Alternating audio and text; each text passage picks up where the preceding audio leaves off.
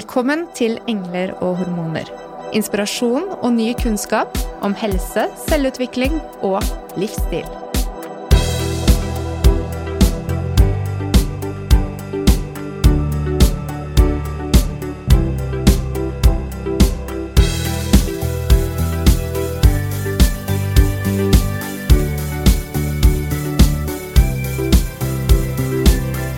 Vi har et ønske om å bidra til et bedre miljø. Og det er ganske skummelt å si. For følelsen av å komme ut av skapet med et ønske om å bidra til å redde verden, det kan gi angst.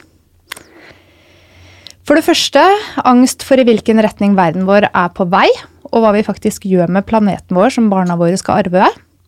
Men også en frykt for å få påpekt alle områdene som vi er dømt til å feile på. Fordi å ha helt suksess med å leve 100% riktig, det er kanskje umulig. I dag så vil vi gå inn på psykologien i dette og grønn selvutvikling for å gjøre bevisste livsstilsvalg. Vi tror at hvis vi alle bidrar, så kan vi komme så utrolig mye lenger enn om vi stikker hodet i sanden. Og derfor har vi invitert inn en gjest for å coache oss litt på hvordan vi kan bli bedre, og kanskje til og med kose oss med å gjøre bærekraftige valg. Velkommen til studio, Anja Stang. Tusen takk.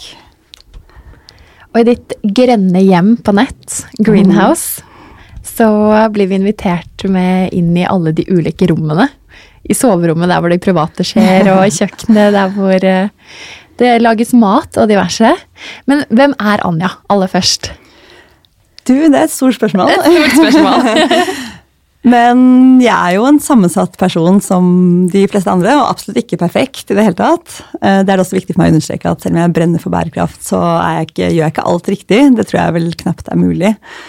Men eh, ja eh, Hva skal man si? Jeg er jo en kreativ person som er, er oppvokst er Oslo-jente, men også oppvokst litt på landet. Så jeg har mye og vært der hver ferie siden jeg var liten, på en mm. familiegård um, i Østfold. Så det er mye, mye kontraster, og, og, nå bor jeg på Nesodden og, og, føler at det er litt sånn best of both worlds. Um, Bare 20 minutter eh, med båten inn til byen? Ja, og ha byen veldig nær, men ikke så nært på som jeg trodde jeg måtte ha den. Men jeg mm. ser den hver morgen og hver kveld, og syns det, det, gir en sånn trygghet. Og så gir det en veldig stor ro å være litt uh, borte fra den, og så se havet. Ja. Det gir meg veldig mye. Ja, det skjønner jeg. Havet, altså. Men eh, du har jo en, eh, vokst opp med en far som startet første lokallag av eh, Miljøpartiet De Grønne, har jeg skjønt, etter å ha lest bloggen din? Ja, faktisk. Jeg skjønte det jo nesten ikke selv før for noen år siden. Jeg trodde han bare startet, eh, startet i Halden, hvor vi bodde mm. da på den familiegården. Men det var det første lokallaget, faktisk. Så, det, så jeg var med på Husker de drev og tegnet utkast til logo og holdt på med slagord. og Det var liksom ordentlig sånn 80-90-tallsaktivisme. Dette var helt slutten av 80-tallet. Og ja, På den tiden drev økologisk jordbruk. Foreldrene mine skulle prøve å drive gård. Hadde, de hadde aldri gjort det før. Uh, Faren min var akademiker, kom fra Blindern og holdt på doktorgrader og helt andre ting. Så det var, uh, det var liksom virkelig sånn nybrottsarbeid, bokstavelig talt, på alle måter. Mm. Men uh, jeg tror det så, Ja, selv om jeg var, er jo også Oslo-jente og har det veldig sterkt i meg, så ga jo det et sånn grunnlag vi levde veldig nær på naturen. Vi hadde til og med gammel norsk spælsau på et tidspunkt. Så, så, det ga jo noen verdier som jeg har tatt med, og som jeg da har kommet litt tilbake til. Uh, selv om jeg ikke kunne bodd så langt på landet igjen, tror jeg. Mm. Gjorde du noen gang noe opprør? Du, det var jo det var dessverre veldig vanskelig der ute, fordi jeg var enebarn. og jeg var prisgitt, jeg var nødt til å bli hentet og kjørt overalt, for det gikk nesten ingen busser. Så, så, jeg hadde på en måte ironisk nok mer frihet når jeg bodde midt i byen og var syv, åtte, ni, ti år, enn da jeg bodde der ute og var tenåring. Ja. Uh, så det var litt vanskelig å gjøre opprør da, men jeg tror mitt opprør i etterkant har kanskje vært å gå nå, Moren min også er journalist og har jobbet med interiør i mange år, så jeg har jo for så vidt gått litt i hennes fotspor, men jeg gikk jo ganske langt bort fra de grønne verdiene en periode også, da jeg studerte mote i London og begynte å jobbe med det på tidlig 2000-tallet. Da det var liksom midt i shopaholic og sex og singelliv-perioden.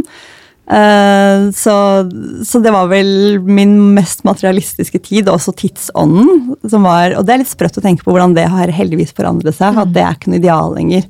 Å være en sånn crazy shoppedame på høye hæler med 1000 poser. Det, det, bildet er på en måte ikke noe Det er ikke noe ideal lenger, da. Det er bra for eh, Theis, da. De har sikkert eh, en del eh, drifting der fra oss som har bikket 40, som var unge på det tidspunktet. Ikke sant? Ja. Som har eh, ja, store garderober vi prøver å selge unna.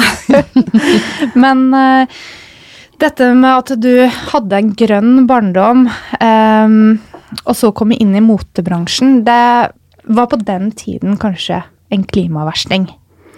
Ja, men det var ikke noe snakk om det da. Nei. Så det er først nå, faktisk først siste år eller to årene, at jeg har hørt det selv. At den er så up there, da. I forhold til bransjer og, og utslipp. Så det er jo det, er, det har vært litt sprøtt å innse, men, men jeg tror også det jeg jo har vært klar over, er jo, og også innsett mer og mer, er jo at jeg har bidratt til å ja, inspirere til shopping, rett og slett. Og det var jo heller ikke noe, det var det heller ikke noe galt med på den tiden. Og det var, jeg har vært med på å skrive x antall løp og kjøp-overskrifter, og dette er trendy nå, og dette er kult nå. Eh, Men jeg har jo også jeg har jo en utdannelse fra London som også går på mye mothistorie. alltid det som alltid har fascinert meg mer, mye mer enn trendene, er også litt sånn hva du signaliserer med klær og med stil, og personlig uttrykk. Jeg har alltid oppfordret til å kjøpe brukt. Jeg har alltid hatt et bevisst forhold til det, for så vidt. Men tenkt at jeg, det er kreativitet jeg inspirerer til. Du, kan, du trenger ikke å kjøpe det plagget, men du kan finne noe lignende på loftet. Altså, jeg har alltid tenkt sånn, men samtidig har jeg jo indirekte vært med på å pushe, pushe mye varer, så jeg prøver kanskje å gjøre litt bot da også med, med denne retningen. Eh, og det er akkurat det med mental innstilling, da, altså på en måte realisere hva man har vært med på. Det er vel Mm. der vi sitter nå og ser tilbake på forrige århundre, der det var bare mer og mer en enorm forbruk og forbrenningskultur. Ja. Eh, og samtidig med at vi begynner nå da å realisere at vi må gjøre store grep Mm. eh, for å skape endringer, så er vi litt stuck i et sånt mønster. Mm. Eh, og det, ja, da er det mange som snakker om dette med kognitiv dissonans. Ja. At vi begynner å skjønne hva vi gjør, men eh, at eh, det er eh, motstridende i forhold til tanker og atferd og følelser. Mm. Ja, det er virkelig Det er vel litt som en sånn forbrukshangover, på en måte. At uh, vi våkner opp og litt sånn wow, ok, hva, hva skjedde der, liksom? Og, og akkurat som vi ikke skjønte at ressursene ikke ville bli fornyet. da. Det var en sånn, jeg vet ikke, blanding av kanskje en form for optimisme og en veldig stor naivitet. Og, og mye fokus på, ja, jeg vet ikke, statussymboler. Um, ting som vi Det syns jeg er veldig fint å merke at vi altså Nå er det mye mer fokus på ja, at det er ikke, det er ikke et ideal lenger å jobbe seg i hjel for å ha råd til å kjøpe masse fancy stæsj heller. Eh, at eh, det finnes forskjellige typer livsstiler og, og ja, måter å leve på, holdninger som ikke trenger å ha så mye med ting å gjøre. Og jeg merker jo også så mange jeg kjenner nå, helt uavhengig av om de jobber med bærekraft eller ikke, uavhengig av alder, flere og flere vil eie mindre og ha ansvar for mindre ting. Og ja, det tar plass, det tar ressurser, det er bekymringer, det trenger Har man mye dyrt, så må man ha alarmer. Altså det er en sånn, Vi bygger oss inn i sånne fort da, av ting, i sånne glassbur med alle tingene våre. Så det Så minimalisme, essensialisme og zero waste og alt dette som egentlig kommer som sånn bølger nå, at det kan være motsvar til mm, eh, Absolutt. mhm. Og så tror jeg jo Jeg vil nok aldri bli en ren minimalist, fordi jeg er litt for glad i farger og ja, opplevelser og frodige ja, ting som er Jeg kunne aldri hatt en garderobe som var grå, hvit og svart, hvor alt passer sammen, f.eks. Jeg, jeg syns det er gøy med ja, mer, Jo eldre jeg blir, jo mer elsker jeg farger, egentlig. Og, og ting som eh, Det er ikke alltid så lett å pakke så og så mange plagg for en helg. Eller, ja, det er ikke alt som passer sammen, og det er på en måte litt sjarmen også. At du har ting fra alle mulige kanter og opplevelser og reiser og um, Ja. Som, så det er ikke et mål for meg å ha minst mulig ting totalt sett, men å i hvert fall ikke ha en ikke ha masse ting jeg ikke, som bare lagres og oppbevares og, og skaper rot og tar tankekapasitet også, da. Mm. Men å ha omgi, omgi meg med skjønnhet og ting som gir meg ja, noe emosjonelt Men det er ikke det Marie. Kondo sier, da? At man skal Hvis det, eh, it sparks joy, Ja, så er det Ja, ja da passer det. Ja. Ja. Så vi er i en gang med en ganske stor sånn kjellerbod-opprydding nå, litt inspirert av henne da, og, og flere andre aktører på feltet. Ja. Hvor eh, ja, jeg tror, jeg tror ikke jeg har skjønt i, gjennom ganske mange år hvor mye energi og tid det tar å bare lete etter ting. Og ja, oppbevare det og finne sted Ja, vedlikeholde det. Ja. Absolutt. Absolutt. Det er også småbarnsfasen, for du har jo to småbarn du også. Vi har tre, og det er så mye ting. Ja. Ja. Og det er det. Og vi hadde en eh, vi hadde, Nå prøver vi å venne dem til å lære å rydde rommet sitt selv, men vi hadde en ordentlig sånn opprydding en gang vi hadde barnevakt eh, på dagtid. Og vi ryddet liksom tre svære poser med leker som vi bare liksom tok bort. Som vi tenkte vi skulle selge og gi bort. Og de kom hjem og bare sånn Gud, så deilig det var her nå. Det var liksom så ryddig, Alt hadde en plass. For jeg må innrømme at det var ganske Det var liksom det var ikke helt sånn før, og mye ja, var på gulvet. og det var, Så de, det var ikke én ting de sa 'Å, hvor er den?' eller det var ikke noe de savnet. Det var bare sånn så deilig. Og, og de klarte å holde det ryddig, da. Fordi det var, ikke, det var plass til alt. Jeg tenker at det kan være bra for barnas mentale helse også, fordi eh, simplicity parenting at, eh, at man eh, lar det være rom for kreativ lek ved å la de kjede seg, f.eks. Og det ligger mye i det helt konseptet, men uh, veldig mer og mer sansen for det. Ja, helt enig. Og det er jo det er kanskje Det er ikke sikkert de skjønner det helt selv, men det er jo på en måte en luksus å kjede seg. For at det, er, det er så mye input, det er så mye inntrykk og så mye som skjer i tiden vi lever i. At det å liksom sitte og klare å føle at bare Du, akkurat nå skjer det ingenting som tar oppmerksomheten min. Og da kommer jo tankene. Og jeg hadde en periode hvor, hvor um, mobilen min, min forrige telefon, hadde veldig veldig dårlig batteritid.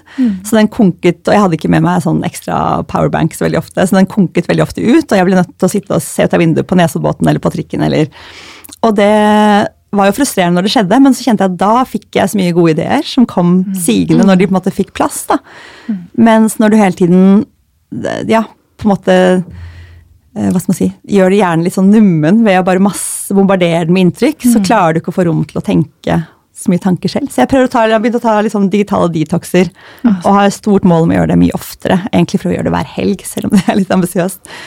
Det er Men, så eh, deilig. det er så deilig, og det er så viktig. Og jeg bare kjenner at det, og ja, Vi gjorde det i påsken. da, om å liksom lese, Jeg leste plutselig to bøker på tre dager. og Bare hvor deilig det var. Og liksom, ja, frigjøre tid og plass i hodet. Så det Er det ikke sprøtt at vi sitter og snakker om dette her? Litt, litt sånn som vi snakket om overflod av ting og forbruk, så har vi altså så tilgang på informasjon og input at, det, at det, vi er forurenset der også, på en måte. Ja, ja, absolutt. Og jeg driver jo en digital kanal, men oppfordrer jo liksom iblant leserne mine til å faktisk logge av. Så det, det er jo ironien, men, men desto viktigere, da, tenker jeg. Å faktisk klare å ja, ta fri iblant. Og det var jo akkurat disse barna dine. Nå er jeg akkurat blitt en nybakt mor. Så jeg er Ja, liksom, gratulerer. Takk. Eh, det er første gang i studio, så hvis Ja, jeg er litt sånn fjern. Ja, eh, så vet dere hvorfor. Men uh, uansett, Anja. Uh, du har jo skrevet litt at det var når du selv ble gravid og ventet ditt første barn, at, eh, Mm. ja, at du begynte å tenke litt annerledes. Selv om du hadde med deg en god del fra barndommen din også, da. Ja, det var virkelig det. Jeg tror det var da jeg, det var da jeg følte at jeg Ja, det var litt sånn det- den To perioder av livet møttes litt. At, at jeg, de verdiene kom litt opp til overflaten. De har alltid vært med meg, men, men de kom litt opp til overflaten igjen. Og det begynte med at jeg, jeg begynte å google, som man jo gjør. og heldigvis kan gjøre som vordende første gang. Sånn, hva skal man smøre på kroppen, hva skal man spise, hva skal man ikke spise etter hvert når babyen er født, hva skal, du, hva skal den ha på seg, hva kan, altså, ja. Og så var det, så tenkte jeg, men hvorfor skal man ikke, fort, hvorfor skal jeg begynne å spise eksempel oppdrettsfisk med masse tungmetaller igjen, selv om jeg ikke er gravid eller ammer lenger? Hvorfor burde jeg begynne med det igjen, eller burde jeg det, eller hvorfor skal jeg ikke bruke økologiske plagg selv, på samme måte som barna? Altså, helt fra veldig sånn små små praktiske ting til mer abstrakt som hva slags verden vil jeg at sønnen min skal vokse opp i, eh, og hva kan jeg gjøre for å bidra til det. Så det var en sånn Ja, det sang, dette er jo da ni år siden. Uh, han er snart ni år. og så det er jo lenge før jeg startet Greenhouse, men jeg har jo allerede gjennom mange år også skrevet, fått lov da heldigvis, i, også i ja, kommersielle kvinnemagasiner, L og Stella osv., fått lov å skrive om alt fra mot pels til om etisk mote. Eh, og hatt, vært interessert i det i mange år, men, men begynte å gjøre det mer og mer, og ønsket å gjøre det mest mulig hele tiden, og på min egen måte, og på så mye plass jeg selv ville bruke på det. og ja. Mm. Så det var sånn Greenhouse etter hvert da ble til. Men det begynte nok Jeg føler at det begynte der. eh, og at det, også det å være i to mammapermer gir jo mye tid til å tenke over hva du vil, og hvor du er, og det gir en sånn Det er på godt og vondt en boble, da. Som, så det var særlig da etter den andre mammapermen at jeg uh, ja, begynte å komme frem til at jeg ville bygge min egen kanal, selv om jeg syntes det var veldig skummelt å liksom, eksponere meg selv og gjøre min e- egen greie. Det, jeg er ikke en sånn opplagt gründertype. Så Ja, du sa det i sted, liksom motvillig gründer. Ja.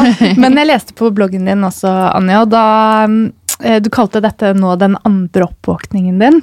Mm. Men du, eh, du skrev om der at du hadde møtt opp i en eh, litt elegant fuskpelsjakke på et ungdomsmiljøaktivistarrangement eh, Ja, i ungdomstiden. Noah- Noah-møte.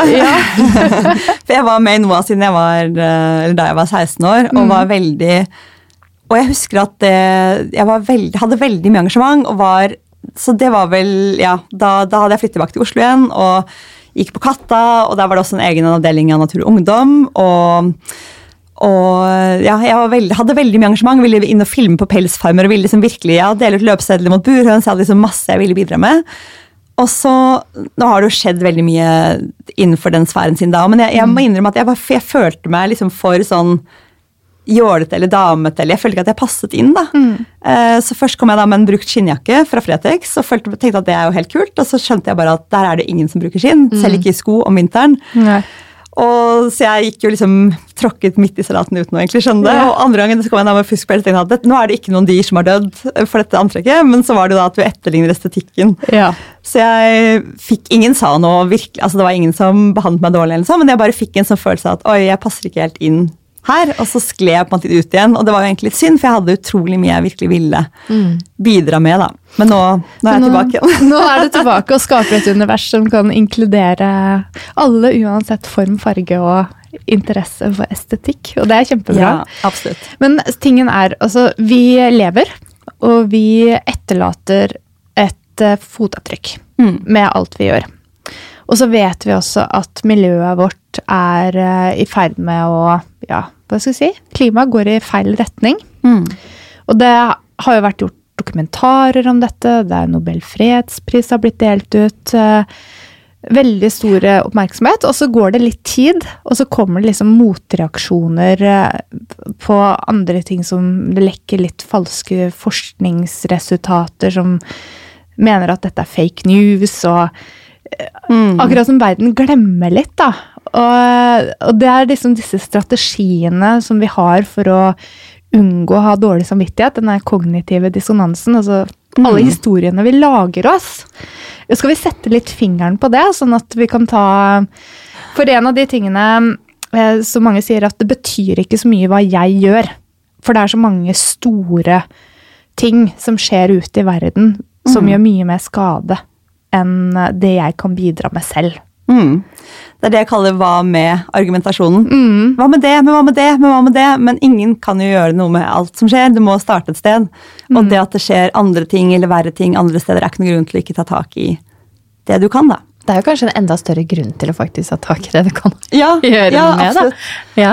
Og jeg tror det har blitt en sånn ny hjertesak for meg. at Jeg tror det, jeg, tror, og jeg har skrevet en artikkel om det også. Jeg tror at det virkelig hva skal man si, bygger en god selvfølelse. da. At du føler at du, du er fortsatt Jo, vi er, du er én person, du er en liten brikke, men du er en viktig brikke. Eh, alle brikkene trengs og har en funksjon, da.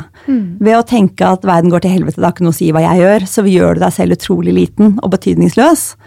Uh, Jeg tror ikke det For det første er det jo en sovepute. Jeg tror du fortsatt vil ha en sånn nagende følelse at oi, jeg burde egentlig gjort noe, men uh, ok, jeg luller meg inn i det her. Men det er også noe med at du, ja, du gir deg selv på en, en liten verdi. Det er ikke, jeg tror ikke det er bra for selvbildet ditt å føle at du ikke har en impact på verden i det hele tatt. Mens ved å gjøre noe, og hvis mange ikke sant, som kjent, hvis mange, hvis alle gjorde litt, så ville det monnet utrolig mye. Og ved å begynne et sted å gjøre noe, så tror jeg også at du vil Forskning har også vist at du vil få lyst til å gjøre mer, og så har du skapt en god sirkel. Ved å velge å rett og slett bruke tid på det, så er det viktig for deg, og da har du lyst til å gjøre mer. For vi voksne kanskje spesielt velger kanskje ofte å ja, stikke hodet litt i sanden, og så har vi de fine barna våre Ja. som eh, stiller opp Var det 22. mars, var det ikke det? Jo, nå husker jeg plutselig ikke datoen, men jeg var, jeg var der selv jeg, med Ja. sønnen min på åtte, fordi han er for liten til å dra alene. Så, vi, så jeg, liksom, jeg følte jeg var tilbake i aktivistperioden som skolestreiker, selv om det egentlig ikke var for meg. Jeg var litt sånn, jeg burde jo ikke vært her, men, men det var veldig fint å være der og se så mange engasjerte barn og ungdom. Og, ja, så det gir jo det gir veldig mye håp, men det er viktig å ikke overlate ansvaret til dem. For det er jo som Greta Thunberg sier, at de får på en måte uh, etterdønningen av ja, liksom bakrusen nesten, da, at at vi har kost oss og, og vært så ubekymret. Så, men selvfølgelig er det kjempefristende å, å stikke hodet i sanden. Det er jo å blokke ting ut. Det er jo en, hva skal man si, en coping-mekanisme. Uh, og det er lett å Ikke minst når man jobber med det hver dag. Det er, det er mye tunge, dystre ting å ta inn over seg, så det er, det er lett å bli bli handlingslammet og bli deprimert av det. Og klimadepresjon er jo blitt en diagnose, til og med. Ja. Så det er, det er veldig forståelig at man vil At vi alle egentlig har lyst til å stikke hodet i sanden, men så blir det jo vanskeligere og vanskeligere fordi det er så tydelig at ting er på vei i feil retning. da. Ja, er det egentlig det? For noen sier at uh, de er tvilende til dette om klimaendring egentlig er en realitet. Fordi temperaturen svinger jo naturlig hele tiden uh, gjennom århundrer. Ja, den, altså, jeg, jeg klarer jo ikke å ta det alvorlig. For meg er det sånn altså 99% av klimaforskere i hele verden sier jo at det er menneskeskapt. Så de Jeg vet jeg, jeg tror Eller mitt inntrykk er at den prosenten som mener det ikke er så stor, men de tar veldig mye plass. Eh, og det er veldig lett å på en måte feie tilbake. Um, og igjen, det er fristende å tenke at uh, at jo, men hva med istiden og hva med og Det er fristende igjen å, å tenke at vi kan fortsette som før, men det er eh, Ja. Altså, forskningen er veldig veldig tydelig på at det er menneskeskapt, så det, det tenker jeg er noe vi bare kan gå ut fra. med Det legger vi død med en gang. Ja, ikke Ja. Definitivt. Ja, og så er det mange som rettferdiggjør for seg selv, da. At de Ja. syns de er flinke på enkelte ting, f.eks. Mm. resirkulering eller kjøre elbil. Mm. Og så um, Da er det kanskje greit at du tar litt fly, og Mm. gjør det litt enkelt i forbindelse med reise og Ja. Den der er litt vanskelig. Den er veldig vanskelig, Ja. og der har det skjedd så mye på så kort tid nå. Med bare at ordet flyskam kom fra Sverige raskere over grensen enn et fly ville klart å ta den omtrent. Eh, Jeg har innsett, jeg holder på å skrive om det akkurat nå, as we speak, faktisk, eh, innsett at for meg har ehm, Jeg har sagt både til venner og intervjusammenheng at det å kutte ned på fly er det vanskeligste. Og det vanskeligste å kreve andre at de skal gjøre òg. Og det syns jeg fortsatt, men jeg innsett at det at jeg definerte det som vanskelig, jeg har gjort det til en sovepute. At jeg har ikke trengt å prøve så hardt på det heller. Fordi jeg har lagt det fra meg som sånn. Det er litt vanskelig, da kan det ligge der. Og så gjør jeg andre ting som kanskje kompenserer. ikke sant? Men så, når det kommer så tidlig frem at én flytur til Thailand tilsvarer jeg tror det er ett år med biffspising og dieselbilkjøring, så, så er det jo det er en liten wake-up call. Så jeg har nylig hatt en innsett at uh, jeg klarer ikke å slutte Jeg kommer ikke til å klare å slutte helt å fly, men jeg er nødt til å også Og jeg flyr ikke veldig mye, tror jeg, men igjen, hva er mye? Men jeg, kommer, jeg er nødt til å ja, jobbe hardere for å redusere det, da. Og rett og slett uh, walk the talk. Eh, og jeg tror at hvis mange nok reduserer, så, så vil det også manne veldig mye. Det er litt mye På samme måte som ikke alle må slutte å spise kjøtt, så kan man ikke kreve at alle skal slutte å fly. Men ved å tenke at er denne flyreisen nødvendig, så, så tror jeg det kan gjøre en stor forskjell. Da. Og i morgen venter en eh, åtte timers togreise til Stavanger, gjør det ikke det? Ja, ja. jo, så det, og det er sånn, Jeg gleder meg, fordi jeg vet at den, jeg skal besøke en venninne som bor i Stavanger, og som skal vise meg det grønne Stavanger. Vi skal til og med på liksom, Green Saturday med byttefest på lørdag. Ja. hun, eh, hun heter Lene Gravdal og jobber ganske likt som meg i Stavanger. da. Eh, men så det blir, Og hun har tatt den reisen mange ganger og sier at det går veldig fint. Jeg har bestilt komfortvogn og skal ta en lang arbeidsdag på toget. Og så skal jeg gå av toget da kvart på fem i Stavanger og ta helg. Så jeg tror bare det blir kjempefint. Eh, men det er jo det, det jeg har tenkt mye på og er enda mer spent på å eh, oppdage, da, er skal man utenlands og litt lengre. For eksempel, jeg elsker Paris og bodde der for ti år siden. Eh, og jeg var der faktisk i februar, og så har jeg innsett at jeg vil så gjerne tilbake snart, men neste gang må, jeg, må, det bli med tog. da. Mm. Og den er jeg litt mer spent på, for jeg vet at det er, eh, jeg føler at der må det skje mye. da, Med infrastrukturen, det må bli flere langdistansetog, de må gå raskere. Det må være enklere å booke tur altså, til endestasjonen. Jeg, jeg er med, selvfølgelig med i den nye veldig bra Facebook-gruppen som heter Togferie, og der er det mye bra tips til apper og sånt som gjør det enklere. Men jeg vet at det vil koste temmelig mye mer. og altså, Det er noe med både måten flytrafikken er subsidiert på kontra tog, og hvordan tilbudet er i dag. Som, der må det skje så store endringer for at det skal bli et godt alternativ. Og der tenker jeg at Ansvaret ligger jo ikke bare på forbrukeren. Vi, vi må gjøre det vi kan, men det må også, den modellen må snus. Og hvis det skjer, så tror jeg det kan ha en kjempeeffekt. Mm. Fordi det er jo også viktig å kunne fortsette å reise, og oppleve verden og utvide horisonten. Og det, har, det er veldig mye viktige ting med å reise òg, men igjen, 8 i verden har sittet i et fly, og det er jo, vi er jo en bitte liten elite som i det hele tatt har tatt fly. Mm. Og mange tar det ja, kanskje ukentlig nesten i forbindelse med jobb. Så det er, mm. der tror jeg det er mye å hente på. Alt fra Skype-konferanser til sant, ja, andre måter å møtes på. Definitivt. Mm. mm. Og også det med en annen ting med togtrafikk, som jeg jo også er spent på. Det er det med at du tenker, det er togturen er hele reisen. da. Det er ikke alle de ekstra etappene du ikke tenker på, med flytog og med venting og med security. Du kan ha med så mye toalettsaker du vil. Mm. Det er liksom en del, det er ganske mange fordeler som man kanskje ikke tenker på, for det er den conveniencen og det er den tiden. Uh, selve flytiden du regner, kontra togtiden. Mm. Men togtiden inkluderer jo på en måte alt, da. Mm. Så det er jo alt det som egentlig er et skikkelig styr, men så vi må vente oss til at sånn er det jo. Den pakka, og vi må ha alle de småflaskene, og de må opp i den posen. og det slipper du på tog. Og, og du er i bevegelse på vei til reisemålet ditt istedenfor at du sitter og stirrer i en vegg mens du venter. Og særlig nedover i Europa er det, det er utrolig mange vakre togstrekninger. Mange vyer. Ja, ja, ikke sant? Så det, det er på en måte min mm. uh, utfordring til Vy er rett og slett å bare ja, bruk det vinduet, sånn mulighetsvinduet dere har, til, mm. å, til, å, virkelig dra til der og, og, vise at det kan være et godt alternativ. Mm, virkelig. Jeg er ikke noe glad i å fly heller. Nei. Så sist jeg skulle på kurs, der eh, hadde jeg egentlig lyst til å ta tog, og det fikk det ikke til å stemme med tid. Da ble jeg oppriktig lei meg. Så ja, ja. bedre samarbeid over landegrensene og mm. hurtigere tog. Eh, fantastisk. Ja. Mm. Absolutt. Så det, er, ja, det, blir spennende å utforske, rett og slett. Men sånn, det blir jo litt i fremtiden. Så hvis vi nå har ryddet bort litt sånn kognitiv dissonans nå, da, mm. og sett det at uh, vi, vi, skal ikke lage unnskyldninger for oss selv lenger, vi har lyst til å gjøre noe aktivt, hvor er det, hvor er det smart å starte sånn som en vanlig person, sånn som meg, eh, mm. som kanskje resirkulerer og som lever som normalt litt, men har lyst til å gjøre litt ekstra. Hvilke områder av livet mitt kan jeg ta tak i for å bidra til å redde verden? Åh, det er jo mange, heldigvis mange områder, da. Så mm. du kan liksom pick your battle, eller your feast, eller hva man skal kalle det. Ja, da begynner vi med mat. Ja, ikke sant? Ja. Så på mat så er det jo veldig mye uh, å ta tak i. Og ikke minst fordi det kan smake veldig godt og føles bra da, uh, å velge grønnere. Men der tenker jeg at hele prosessen fra noe som kan være veldig smart, er å f.eks. planlegge handleturen, planlegge ukens middager. Mm. Og handle etter det, for da, du, da, vet du hva du skal lage til middag. Du slipper å liksom ja, bruke tid på å finne ut av det, tekste med kjæresten din, eller ja, hva skal vi, har du kjøpt, skal du handle i dag? Og da, da er det planlagt. Mm. Og jeg tror sjansen for at man spiser det man har kjøpt, er større. Mm.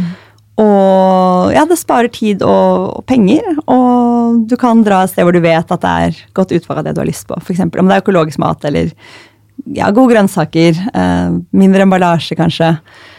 Mm -hmm. Da kan vi kanskje bidra med å legge igjen litt emballasje i butikken også, sånn at de skjønner at ikke vi ikke trenger så mye? Ja, den er jo Den er litt vanskelig. Jeg, jeg, jeg har ikke gjort det personlig selv. Har du gjort det? Jeg har eh, gjort det. ja. ja. For noen ganger så kan det være ja, nesten så du bare lurer på hva er poenget med dette. Ja. ja. ja. Da, men ikke, ikke, hver gang jeg handler, men eh, det har skjedd. For det er jo tydelig signal til dem, og så vet vi jo at kjedene, alle kjedene konkurrerer nå om å kutte ned på emballasje om å ha mest mulig økologisk og minst mulig matsvinn. Og det er jo veldig bra. Og så er det lett å føle selvfølgelig at det går altfor sakte. Mm. Uh, ulempen er selvfølgelig at den man sparer jo ikke miljøet å gjøre. For den Nei. emballasjen, da må bare de resirkulere den, så har den jo allerede eh, produsert. Men, men det jeg har prøvd prøver hvis du gjør, er å velge produkter med, som har mindre emballasje, og merker jeg vet. Sånn som for hvis jeg er på Coop, så syns jeg Englamark-serien er kjempebra. For den, det er ordentlig gode produkter som enten er resirkulert eller de har mindre luft, eller de, ja, som har mer miljøeffektiv emballasje, og de har god pris, og de funker. Og de kommer i stadig nye produktkategorier. Og så jeg er sånn nerd, jeg blir sånn glad for å se å, nå fins det det også i den serien, eller eh, Så Og, og en annen ting er f.eks. det at de frukter og grønt i løsvekt må ikke alltid være i en pose i det hele tatt. For det er jo, du kan kjøpe sånne små gasspinposer eller sy det, eller sånn, men, og det er kjempefint. Men ganske mye kan også bare puttes rett i kurven. jeg har også hatt en autopilot inntil jeg vet ikke, kanskje et års tid siden på, at, eh, på å bruke de, de tynne posene. Og så plutselig var jeg sånn, men hva er poenget? Hvis ikke du kjøper sånn tusen av en ting, da. Ja. Så, Eller en bananklase i de. Ja, nei, det jo, nei, det har jeg aldri gjort. Nei. Men nå kjøper jeg økologiske Jeg kjenner noen som har gjort det. Ja, ikke sant. Nei, ja, den, den, burde være overflødig, men, men ja. Men man, man har autopiloter, da. Men, Ja. men så kjøper vi gjerne økologiske og fair trade-bananer, og de er jo i plastpose, dessverre. De kommer bare i det. Og den, det har jo også det. igjen med oppbevaringen å gjøre, at de holder seg lenger. Og den er jo den er litt tricky, dessverre. Fordi jeg vil gjerne, veldig gjerne kutte ned på plast. Samtidig så vil jeg ha mest mulig økologisk og unngå sprøytemidler og kunstgjødsel. Ikke bare i egen kropp, men også ja, støtte bønder som driver økologisk. da. Jo, absolutt. Og, da er det gjerne plastpakket. Så det, den er um, Og det sies at det allikevel er mer miljøvennlig totalt sett enn å kjøpe konvensjonelt uten plast. Fordi det reduserer matsvinn også, gjør det ikke det da? Hvis det da har en lengre holdbarhet, liksom? Ja, fordi økologisk gjerne Fordi det mangler sprøytemidler, så holder det seg gjerne litt kortere. Så, så det er rett og slett matsvinnproblemet er enda større enn plastproblemet. Så det er to det er veldig synd at du må velge på den måten, men går du f.eks. på et lokalt bondemarked, så vil du jo få begge deler. Da vil du få økologisk og lokalprodusert og sesong uten plast. Hvorfor skal man velge økologisk kontra grønnsaker som er sprøytet? Fordi, både fordi du unngår kunstgjødsel, som går inn i jordsmonnet, eh, som også er kjemisk fremstilt, og sprøytemidlene er jo, særlig nå med insektdøden, så har det blitt veldig tydelig hvor skadelige sprøytemidlene er. Mm. De er jo de er jo i tillegg på maten vi skal spise, så de går jo rett inn i kroppen hvis ikke man vasker det grundig. Eh, Visse matvarer tar de mer til seg og er vanskeligere å vaske grundig enn andre også. Eh, Så jeg har alltid vært opptatt av å prøve å unngå det for min egen del. Jeg har sikkert fullt av det i kroppen likevel, dessverre. Det er vanskelig å unngå det helt. Men, men en annen ting er jo eh, for naturen, og særlig insektene, så er det eh, ja, veldig fint å unngå det. Og jeg, synes, jeg tror også at økologiske bønder, det er en ganske liten prosent som driver sånn, og de gjør det sjelden De vil jo leve av det, men de gjør det sjelden for profittens skyld. De gjør det jo fordi de vil gjøre noe bedre. For meg er det også en måte å, å støtte dem, en måte å, å vise, ja, prøve å bidra til at det blir lettere og mer lønnsomt å drive økologisk. Da. En ernæringsfysiolog som jeg snakket med, hun sa også dette at eh, en del av det som man påfører disse grønnsakene, det er også da for å drepe bakterier og Mm. Når det blir igjen i grønnsakene, så vil det også påvirke bakteriefloraen i magen. Og Ja. påvirke vår helse Ja. når vi får det inn. Så eh, det er ganske Ja. Ja, det er Man får mye- ikke lyst på det. Nei, Nei. det er, det er mye å ta der. Og Ja. det er jo noen, noen undersøker ernæringsinnholdet og mener at det er ikke nødvendigvis mer næringsrikt og så videre å spise økologisk, men det er jo ingen grunn til at det skal være mindre. Og, og for meg er det ja, hovedsakelig det å unngå kjemikalier som skader både mennesker og natur og jordsmonn. Da. Mm. Og det har jo det, Du har jo vært med å drive jordbruk. Jeg har Ja, faktisk det. så du kan Hippet litt om dette? Og, ja. det var vel ikke det mest effektive i hele verden. Og det var jo ikke i noe kommersiell, industriell, eller ja, ikke kommersiell skala heller, men Mm. mer til selvforsyning. Men det var jo, ja, så I've been there for, på 80-tallet. Vi var ganske tidlig ute. Mm, absolutt. Og jeg tenker på sånn det er En ting er det som eh, vi tar på maten vår når du produserte, eller, og når vi spiser og får i oss, men hva med det vi har mot huden? Sånn Mm. type skjønnhetsprodukter eller stelleprodukter til barn osv. Mm. Hvordan kan vi være mer miljøvennlige? Altså, det å ha barn er jo Det er mye søppel. Det er det. Mhm. ja. Og ikke minst matsvinn kan være vanskelig med barn. For det er vanskelig å beregne porsjoner og Ah, ja. det er, ikke, det er virus og ting du Ja, det, det er ikke alltid Det er bare bare å spise opp etter barna heller. Kanskje man ikke tåler det de spiser. Det kan være forskjellige ting. Men eh, nei, altså for meg gjelder jo det samme helt klart over hele linja. Med både skjønnhetsprodukter har jeg foretrukket å bruke naturlige siden lenge lenge før jeg begynte å jobbe med bærekraft også. Mhm. En venninne introduserte meg for ja, litt sånn Dr. Hauska og Veleda og de liksom klassiske mm -hmm. økologiske merkene sånn tidlig på 2000-tallet. Og jeg har også alltid jeg har prøvd å finne mest mulig økologiske frukter og grønnsaker. Men eh, Så der er det jo kommet et kjempeutvalg etter hvert innenfor hud, hudpleie og, og Ja. velvære og sminke osv. Så, så det jo Veldig eksklusive ting også. Så Ja. det er jo Du kan få alle, alle prisklasser og på en måte ja, stiler, emballasjer øh, til alle typer behov, egentlig. Så det der er det Ja, der er det, hvis du vil lese mer om det, så er det bare å dykke inn i mitt grønne bad. Så tester jeg også veldig mye. Jeg skriver egentlig eller bare om ting jeg har testet selv, da. Kjempefint. Så det er, det er et stort spenn og mye, mye fint å velge der. Og, og når det gjelder klær, så er det jo også Da er det jo mange nyskapende materialer som ikke, som ikke Ja, som også vokser vilt, og som ikke som ikke er bomull, da. Men økologisk bomull er jo også uten sprøytemidler. Den krever for seg veldig mye vann, men det er, jo, det er jo det litt det samme at du har det mot huden, du har det mot barnas hud. Og det er ikke minst veldig mye bedre for de som plukker bomullen. At de ikke får sykdommer og ja, etsende sår. Og det er jo ja, mye kjemikalier i bomull, da. Så det Ja, så det er, Bare En ting er jo forskjell. det, men en annen ting også er eh, kvaliteten. Altså Mm. den sirkulære økonomien som de snakker om, at man skal kunne fortsette å bruke og gjenbruke og gjenvinne etter hvert Mm. klær også. Det er jo helt fantastisk at du kan pante klær nå. Ja, Ja. det er sant. Mm. Og der er det jo Der kommer jo det med mikroplast i havet inn. Det er jo det som er synd, at det har vist seg at resirkulert eh, polyester også uh, røyter mikroplast ut i havet. Mm. Så den er litt vanskelig, for det var jo en sånn stor nyvinning at, eh, ja, at det gjenvinnes igjen, men eh, rett og slett at det, det kommer ut i havet, det kommer i fisken vi spiser, og mikroplast er generelt er jo, det er jo en annen grunn til å velge økologiske hudpleieprodukter, at du vet at da er det uten det, og uten parabener, uten andre hormonforstyrrende stoffer og miljøgifter. Og så kommer det inn i barna våre, og Ja. så kan de bli nedsatt fruktbare. Og så sitter vi plutselig i Handsmaid's Tale om 20 år. Ja, åh, darkness. ja, det er jo Ja, det er noen paralleller i samfunnet til henne selv allerede for tiden. Det er kanskje det andre debatt, men Eh, jo da, Men, men, eh, ja. den opplyste lytter skjønner sikkert hva hun Ja, mener. ja. ja. jeg tror det. Men uh, nei, det er, ja, det er mye å tenke på, og jeg tror Ja, jeg vet ikke, jeg tror ikke de Det er ikke noe poeng å ta inn over seg alt det grusomme, men å prøve å gjøre det man kan, og være Lese seg opp eller være bevisst til det punktet det er mulig for deg å være. Mm. Og, og i forhold til klær, så er det jo Hovedtanken er jo gå for naturmaterialer. De er både mer nedbrytbare og bedre for huden, og de skader ikke Det er ikke utslipp som kommer ut i vannet.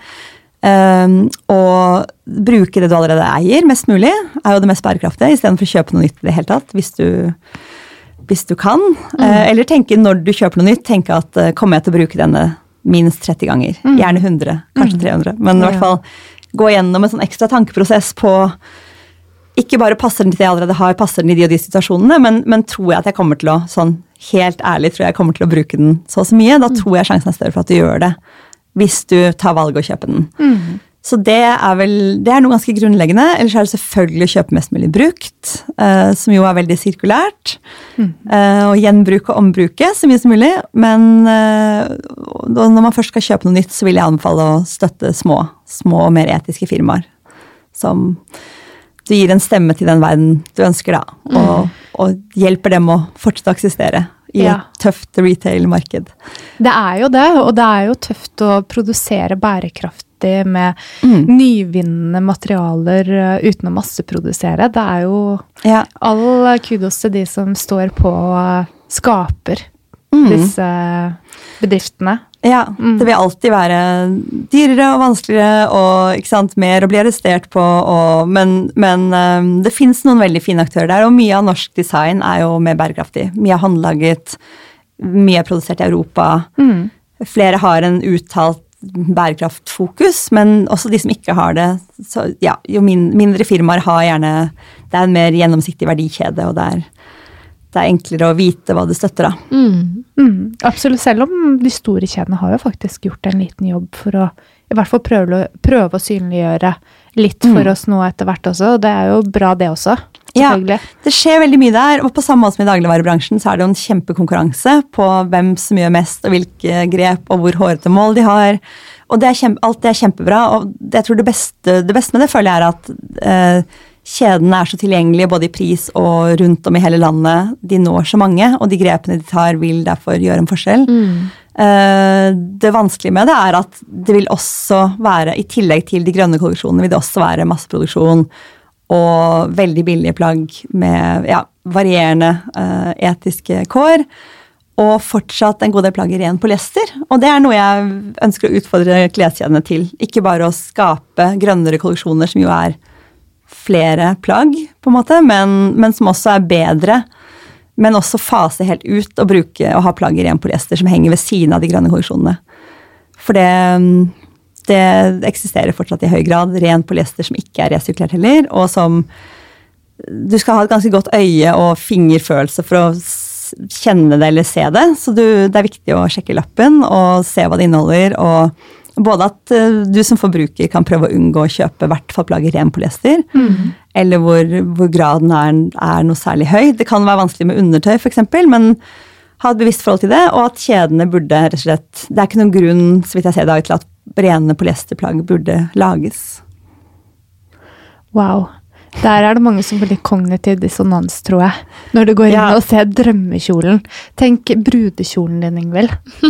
Hvis du hadde funnet er drømmekjolen din. Den er ikke polyester. Nei, det er trygg der, kanskje. Jeg er ikke blitt fridd til ennå, hint, hint, så Jeg vil være litt, eh, litt kjapp på For det avtrekkeren skjer der. egenhold. Ja, men bra. En annen ting eh, Anja, som jeg leste om eh, på hjemmesiden din, og som jeg tenker at det skal jeg starte med når jeg får mensen igjen. Menskopp. Ja. Ja, for all, alle bind er laget av 100% plast. ja, og i hvert fall mer eller mindre. Mm. Det kan du ikke svare for 100% på alle, men, men det er Jeg fikk en virkelig vekker Det begynte med at jeg var på en lansering av økologiske bind eh, for et par år siden, og, og fikk vite det da. Og, og tenkte at herregud, det makes sense. Det er jo ganske sånn klamme, ekle greier. Eh, og så tenkte jeg at det er jo Og så begynte jeg å bruke det, og så, og så tenkte Og det er jo selvfølgelig alle mann jar, det er veldig mye bedre økologiske bind og tamponger enn vanlige. Men jeg hadde hørt om mennesker, og så trodde jeg det. Jeg trodde at det var så Jeg vet ikke. Jeg visste, tror ikke jeg helt hadde skjønt hvordan det funket, eller jeg syntes det var litt skummelt. på en måte. Og som jeg har skrevet om i Greenhouse så var det en Det, det trengte, trengte en liten prøveperiode til for å måte få helt reisen på det.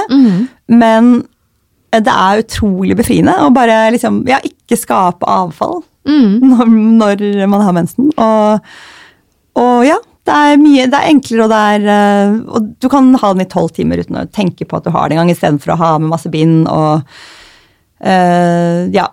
Nei, jeg vet ikke. Det er, det er en ja, litt ny verden, da, egentlig. Så det, for meg er det ingen vei tilbake. Og jeg anbefaler alle å i hvert fall prøve det. Og gi det, gjerne gi det et par menstruasjoner for å, for å ja, få, få det til å funke. Og hvis du ikke syns det funker, kanskje prøve et annet merke, en litt annen type annen størrelse, eller i hvert fall gå til økologiske mm. tamponger og bind. Mm. Men jeg tenker, sånn, har du noen gode tips på hvordan få det til å funke?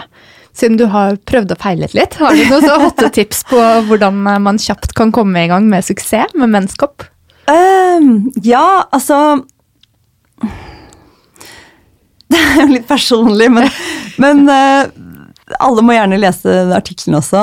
Uh, i, den ligger vel, husker jeg ikke, den ligger vel i soverommet, den, i og med at det er litt personlig. Ja. Men jeg hadde selv nå husker jeg ikke hvor det var, men jeg hadde selv lest et blogginnlegg før jeg prøvde første gangen, om en som hadde prøvd, som sa eh, bare sånn Slapp av, du må ikke på liksom ER. Du må ikke til legen når du skal ta den ut. liksom. Nei. Men du må, du må passe på å ta ut vakuumet før du skal ta den ut. Det er en veldig viktig crucial greie. For ellers så Det skaper jo et vakuum.